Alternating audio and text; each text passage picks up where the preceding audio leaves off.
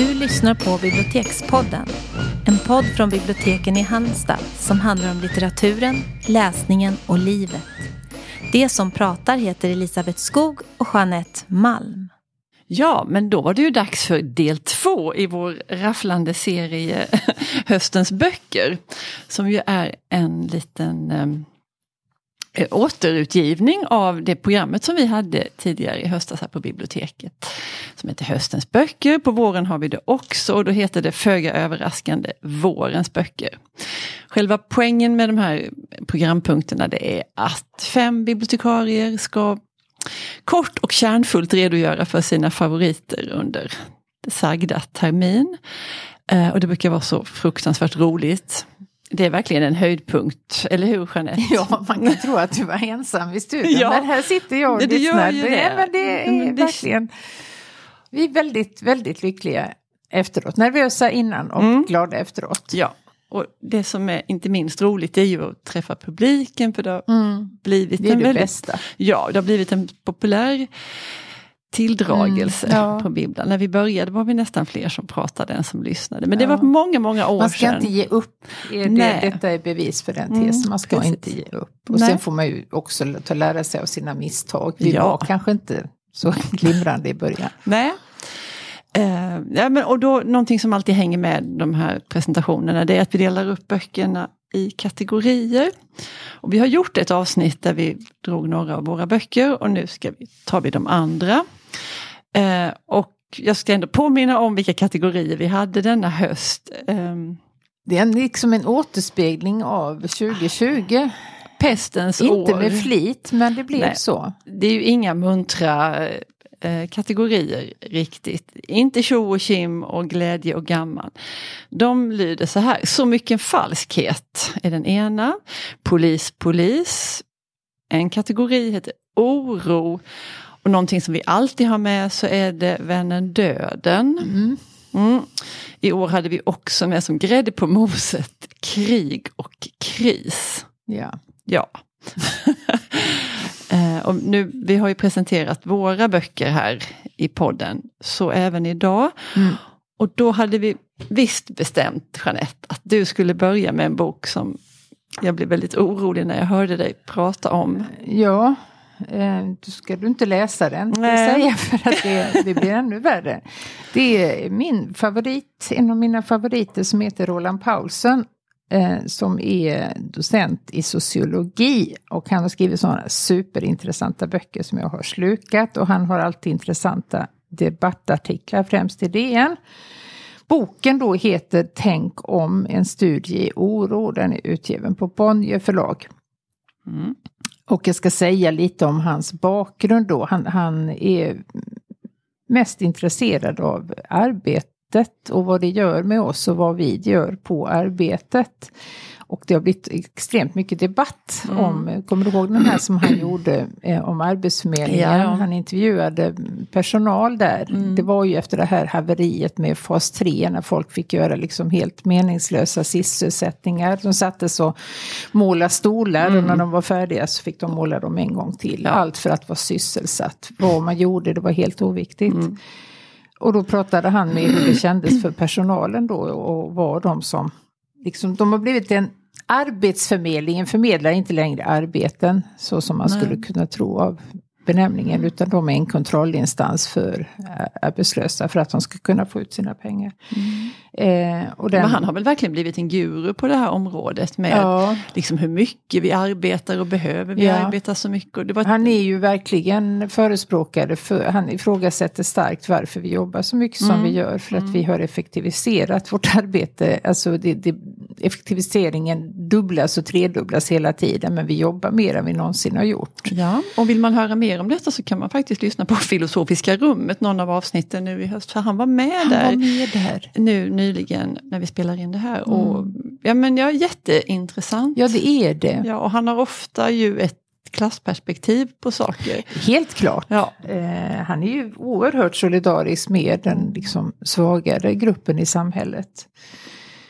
Eh, han skrev sin eh, doktorsavhandling som har då populariserats och gett ut. Den heter Arbetssamhället. Eh, Och där intervjuar han också folk som man, man hör så mycket om folk som stressar så mycket och har mycket att göra och liksom Mm. bränner ut sig och så. Och det är ju ett, ett jättevanligt problem. Men det är ett mindre vanligt problem för att det är status att ha mycket att göra. Mm. Men då har han pratat med någon som har för lite att göra på jobbet. Mm. Och det kan man liksom inte säga. Du kan inte Nej. prata om det. Eh, För har du gått i flera år och haft för lite att göra så kan man ju inte helt plötsligt säga att du är chefen. Eh, Nej. och du riskerar ju att bli av med jobbet. Och rekordet av dem som han pratade med det var en, faktiskt en banktjänsteman. Han jobbade effektivt en kvart om dagen. Resten satt han och tittade på Youtube-filmer och scrollade och hade uttråkigt. Och det kan ju göra dig lika deprimerad som en, eh, liksom en stressituation. Sannoliken. Ja. Men det var inte det, utan Nej, det var ju det tänk om en studie i oro. Och det är precis vad det låter om. Och det är också starkt civilisationskritiskt som det brukar vara med Roland Pausen. Och handlar om att vi har det jättebra materiellt sett. Vi har aldrig haft det så bra, det vet vi ju alla. Eh, men psykisk ohälsa och oro är, har vi aldrig heller varit så drabbade av som tidigare. Och det här är en mastig och matig bok så jag får liksom lyfta ur några särdrag som intresserade mig mest. Och det är liksom varför blir vi mer och mer oroliga. Och en tes då som jag köper, som han har, det är att när vi jobbade under, liksom när vi var jordbrukande folk.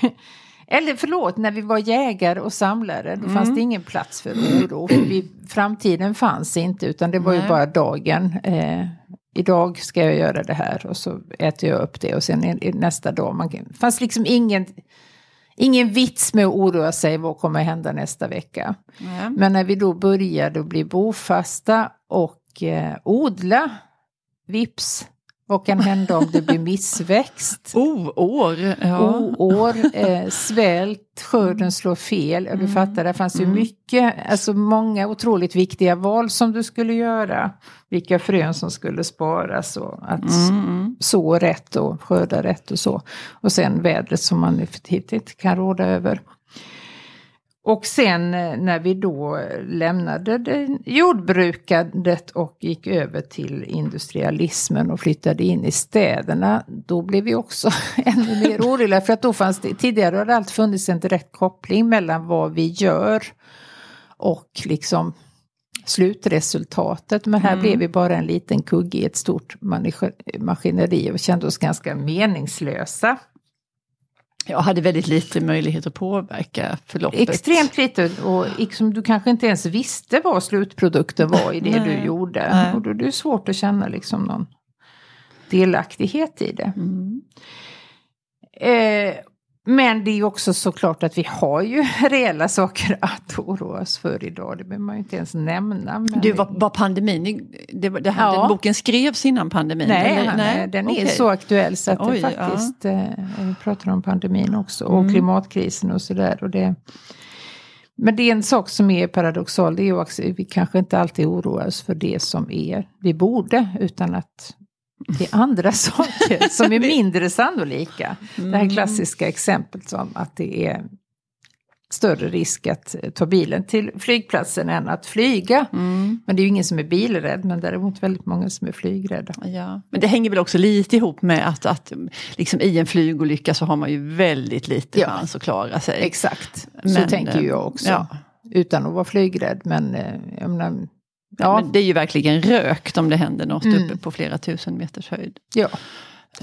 Ja, Nej men sen intervjuar han då massor med folk och det är väl nästan det mest intressanta tycker jag. Som Mm. har en förlamande, en oro som påverkar hela deras liv och Mm. som liksom handikappar dem. Och det var väl där jag kände att det blev väldigt jobbigt. För att Mm. det finns folk som har det så otroligt svårt och inte, alltså det, de vet att det här är helt meningslöst, jag kan inte hålla på sådär men tankarna rår de inte över. Och då var det speciellt en som fångade mig extra starkt och det var en ung man, Daniel, eh, och han har oroat sig precis hela sitt liv. Nu var han gift och hade barn, och han, men han kände sig aldrig liksom glad eller i nuet, utan tankarna malde hela tiden. Och han kom på första gången det här hade börjat, det var när han var ett litet barn.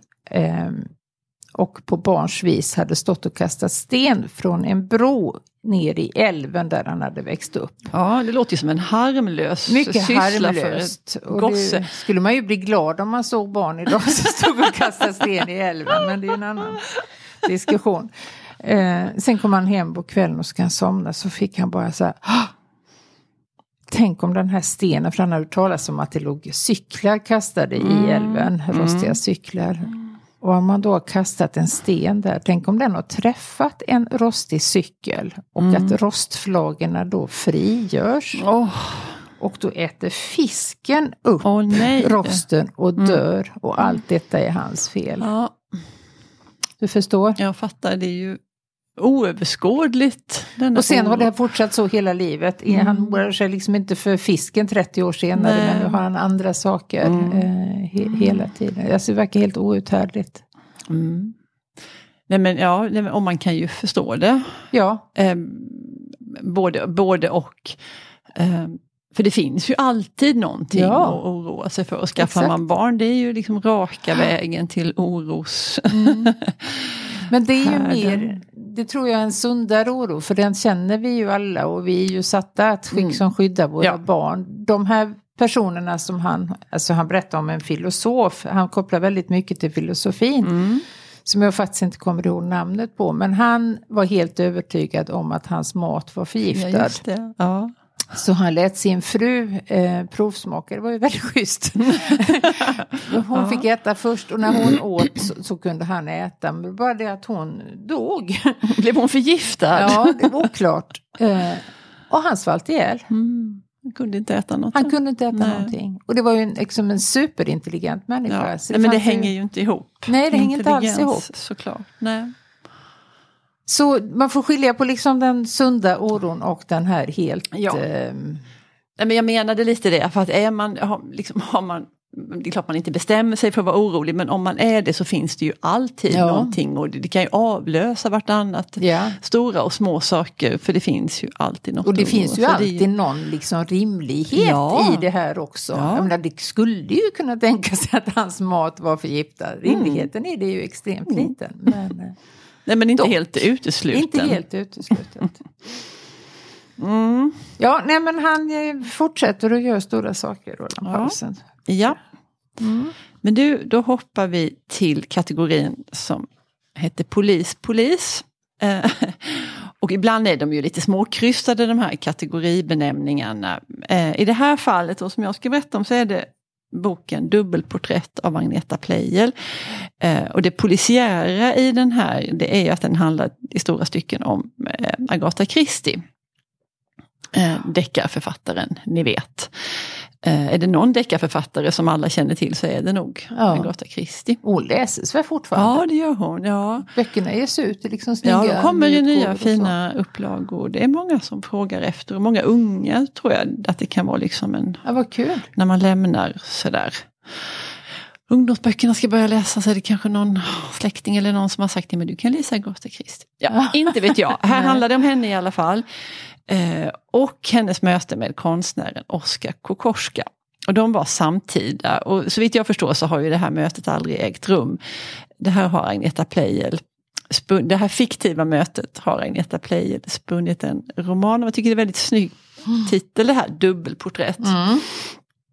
Ehm, ja, och det handlar om det här, alltså ehm, så här är det då att Agatha Christie ska fylla 80 år, hon har ett barnbarn, en gosse som hon är väldigt svag för och han tycker han får den här idén att eh, låta, att hon ska bli avmålad, avporträtterad i sånt där fint oljeporträtt. Eh, hon blir jättearg och säger att nej, men det vill jag verkligen inte. Hon är helt ointresserad av det där att hon själv ska liksom eh, synas och fram och liksom sitta modell och allt det där. Och ni kunde lika väl beställa en kista till mig. Hon tycker det här är helt befängt. Men hon är också svag för gossen så hon går med på den här överenskommelsen. Och den här Oskar Kokorska då som ska, eh, som ska måla av henne Alltså han var en väldigt eh, uppburen och framgångsrik konstnär. Han var från Österrike från början. Mm. Och han var ja, men, sådär expressionistisk i sitt uttryck och ehm, han var påverkad av Vincent van Gogh. Och han gjorde väldigt säregna porträtt och det är nog de som han blev mest uppmärksammad Han var för. porträttmålare också. Mm, Mm. Jajamän. Ehm, och han var mm, alltså representerad i många fina eh, museer och konsthallar och sådär. Ända fram till det nazistiska maktövertagandet i Tyskland. För då var det alltså viss, mycket konst då betraktades som degenererad. En Mm. tarte till konst var något uttryck som. Eh, Det och då, skulle vara, inte vara så... Alltså man gillade Men- väl när man såg en vas såg ut som en vas, och Ja, en blomma som en blomma. Exakt, och Mm. inte sådana här konstiga Nej. expressionistiska som ju handlar mycket om känslouttryck och Nej. inte alls kanske var så bildlikt som eh, var önskvärt. Och då plockades hans tavlor bort och han fick fly eh, och hamnade i London och det är ju där romanen utspelar sig och Okej. där som han får den här, eh, det här uppdraget att porträttera henne och sen så trots hennes motstånd då så, så leder den här eh, beställningen till sex stycken sittningar när hon får sitta och han målar av henne och de samtalar under tiden. Och, eh, och det, det är bokens sex kapitel, är de här, den är väldigt Ja. smart och jätteväl gjort såklart. Det är ju Agneta Pleijel som har hållit i Mm. pennan. Ehm, och även om det då är liksom de här samtalen och deras resonemang, det är ju helt fiktivt, men hon har också vävt in, och det här var jag tvungen att liksom faktagranska vid sidan om, för att jag tänkte, ja, hittar hon på det här också? Men några episoder från både Agatha Christies och Oskar Kokorskas liv eh, är sanna, och de, de liksom spinner hon eh, omkring. Mm. Eh, och då så visade det sig att 1926 så var Agatha Christie spårlöst försvunnen Mm. i tio dagar. Och det var ju lång tid eh, för en år. Och hon fanns verkligen inte, nu hade man ju inte sådana möjligheter som finns idag med att spåra mobiler och sånt där. Men, Nej. men det letades. Alltså, Jo, men jag tror hela världen stannade upp Mm. Eh, inför det här. Ja, 15 000 personer var med och liksom letade efter henne. Oj. Det är ju fruktansvärt många. Eh, och det var polispådrag och ehm, och det var första sidesoff såklart. Mm, Och sen så efter de här tio dagarna så, så hade de fått korn på henne på ett litet hotell i Yorkshire. Ehm, och, och det här var väldigt, alltså det var något lite skamligt för henne, så hon nämnde inte det här, det står ingenting i hennes självbiografi om det. Hon Det har förblivit en gåta, det är ju Ja. också intressant. Eh, Pleijel har ju vissa teorier där, men det kan man få, få läsa om själv.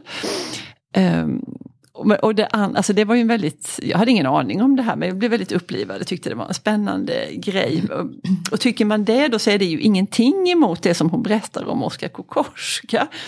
Eh, för han hade också en liten apart, om det nu var det med Kristi. Um, han, det, det, hans lilla historia då handlar om att han var olyckligt kär i Alma Mahler. Det. Och det var han ju tydligen inte ensam om, Nej. det var flera som var. Hon måste ha det varit är Gustavs fru alltså. Ja, Ja. hon måste ha varit något alldeles i hästväg, Mm. denna Alma. Ehm, och han, han blev liksom men besatt, det var ju inte det att han var förälskad i henne, han Nej. blev helt besatt av henne. Och, eh, och när det var slut och så kunde han ju såklart inte, de hade ju någon fling Hade de? där. De hade ja, det hade de. Okej. Men, eh, men när det tog slut så kunde han ju överhuvudtaget inte acceptera det. Så han lät tillverka en docka Mm. Yes, med hennes mått och utseende och, och den skulle han liksom ha med sig så den fick fraktas. Alltså är detta på riktigt? Detta är på riktigt, ja. Fy, Eh, Det kan du... så läskigt. Ja. Eh, Men annars så handlar ju, det, det här är liksom ändå två anekdotiska inslag i boken, men det handlar om deras deras respektive syn på, på, på konsten, på författarskapet Mm. och på måleriet och vad det är de vill uppnå med det. Och, alltså den är gjord med, det är jätteintressant och den är skriven med, med lätt hand men med ett stort djup, Mm. skulle jag vilja säga. Ja, jag är så sugen på den. Ja. Det, ja, jag står på kö. Ja, det är det många som gör, såg Ja. jag häromdagen. Och sen kan vi också påminna om att Agneta Pleijel har varit gäst i podden, Mm. ett jätteroligt tillfälle. Ja, det var det. Ehm, Ja, jag vet vi skickade med henne smörgåsar på tåget hem och vi körde henne till stationen. Vi var lite vi... beskäftiga där Ja, kan det jag var känna vi i säkert. efterhand. Ja, då. vi, vi, ja. Men vi ville väl i vår vi ville väl beskäftighet. och hon ja. var så artig så hon låtsades inte om att vi styrde och ställde. Beställsamma bibliotekarier. Ja. Nej då. ehm, Mm. Men du hade en bok. Samma kategori. Just det, poliskategorin. Vad är det för polis då? Det är en språkpolis Mm. och det är Sara Lövestam som jag faktiskt har pratat om tidigare under de här höstens vårens böcker. Jag Mm. gillar henne. Eh, hon har också varit med på den ska sägas. Ja. Hon är författare, språkvetare och SFI-lärare och fruktansvärt produktiv. Hon har gett ut alltså sex, sju romaner. Hon är ung också, fråga på allt. Eh, och sen har hon gett ut alltså deckare för, både för vuxna och hon har gett ut barnböcker. Hon är väldigt mycket engagerad i hbtq-rörelsen. Och, men sen är hon då eh, väldigt intresserad av språk och grammatik. Så hon har gett ut några grammatikböcker. Den första hette Grejen med verb. Sen kom det Grejen med substantiv och pronomen och Grejen med ordföljd. Och det, alltså hon lyckas göra grammatik roligt. Och det är faktiskt en smärre bedrift. För mycket kan man säga om grammatik men så himla kul är det väl inte alltid. Men ja, men också inte, alltså hon, det är inte på bekostnad av korrektheten. Nej, Utan hon har ju fruktansvärt gedigen. Hon kan liksom förklara varför det heter så, varför det är fel och hur det kommer sig och hur det har förändrats liksom under. För språket är ju i ständig förändring såklart. Eh, hon är även med i radio som domare i lands, landskampen. Där brukar hon foga in, eller där brukar hon bidra med lite sån här språkpolis när Ja. Annika Lantz kommer, liksom, heter det så här eller så här, så kan alltid Hon kan det Sara. Lövestam Ja. liksom. Men Jag tycker det är jättecoolt faktiskt. Jag gillar det. Mm. Och, just, och kanske för att man tänker att den, liksom, ja, men hon är så, ehm, Hon är väldigt cool. Ja hon är jättecool och, och, och samtidigt det här liksom jätteintresset för, för språk och hur det heter och alltså verkligen allt det här du säger runt omkring och historien och Ja. sådär. ja, det är inte så enkelt som att bara det, nej, men det är en regel. utan hon förklarar Hon kan alltid förklara. Ja. Eh, men den här handbok för språkpoliser är ju väldigt roligt om man då bekänner sig till den här ganska Mm. stora koden. Det är väl få saker som upprör folk så mycket som språkliga fel. Mm. Och liksom man måste, eller en viss skara måste alltid tala om att det heter faktiskt så här. Så här. Det kan vara lite tjatigt, men ibland är det roligt. Mm.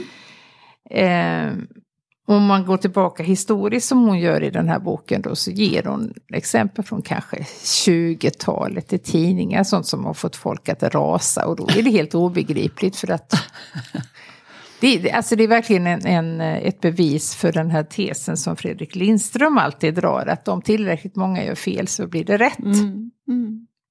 till slut. För att de här exemplen från 20-talet, där jag kan inte ens se liksom problemet med det, utan Nej. då har det ju blivit så att nu, nu är det eh, Nu anammat. är det så man säger. Nu är det så Ja. man säger.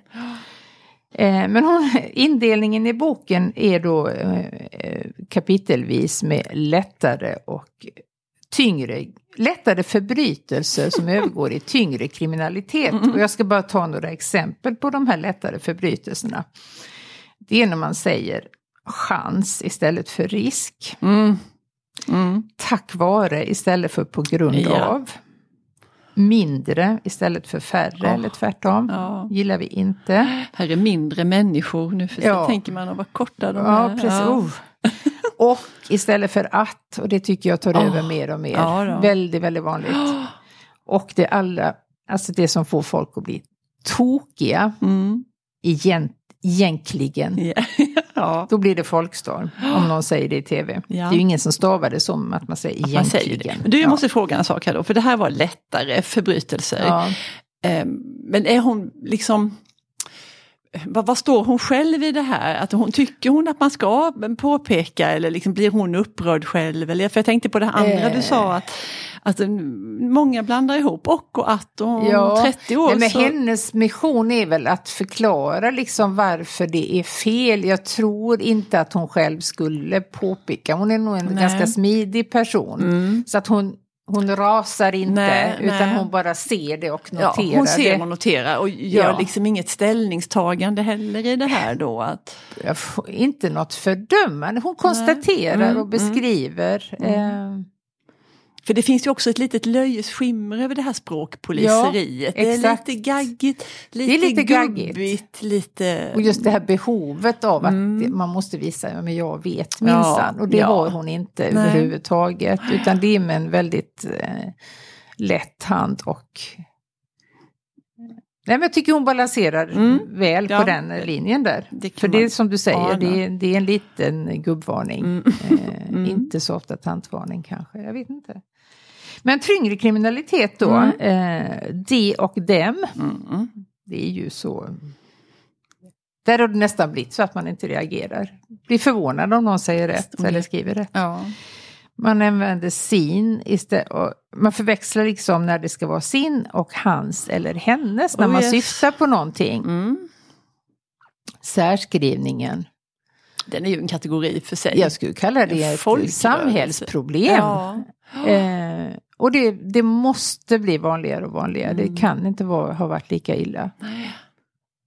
Och samtidigt så är det världens enklaste grammatiska regel. Du behöver inte kunna någon grammatik överhuvudtaget. Sägs det som ett ord, ja då skrivs det Ja. som ett ord. Det som jag tycker är konstigt med det är att, att man har tänkt att det är en ungdoms... Liksom att Ja. ungdomar gör så, men så är det ju inte. Nej. Det är människor som är i vår ålder och äldre än det. Som man, Ja. När man får ett sms eller man läser någonstans på Facebook eller vad man ser Ja. så är det ju så. Och här det allvarliga då med särskrivningen det är ju att allting får ju en helt annan innebörd. Mm. Eh, Det förändrar ju verkligen Ja. meningen. Ja. Eh, Men där pågår det ju en motståndsrörelse. Folk Ja, klistrar lappar och det Ja. finns Facebook-sidor och man Ja. lägger upp exempel och så. så att det, det slaget är liksom inte... Nej, det såg jag Eh. hemma i mataffären i den lilla byn där jag bodde. Hade någon gått fram och satt just sådana små klisterlappar Ja, man på... kan beställa det. Ja, en sån liten rulle att ha i fickan. Det är lite lockande Ja. ändå.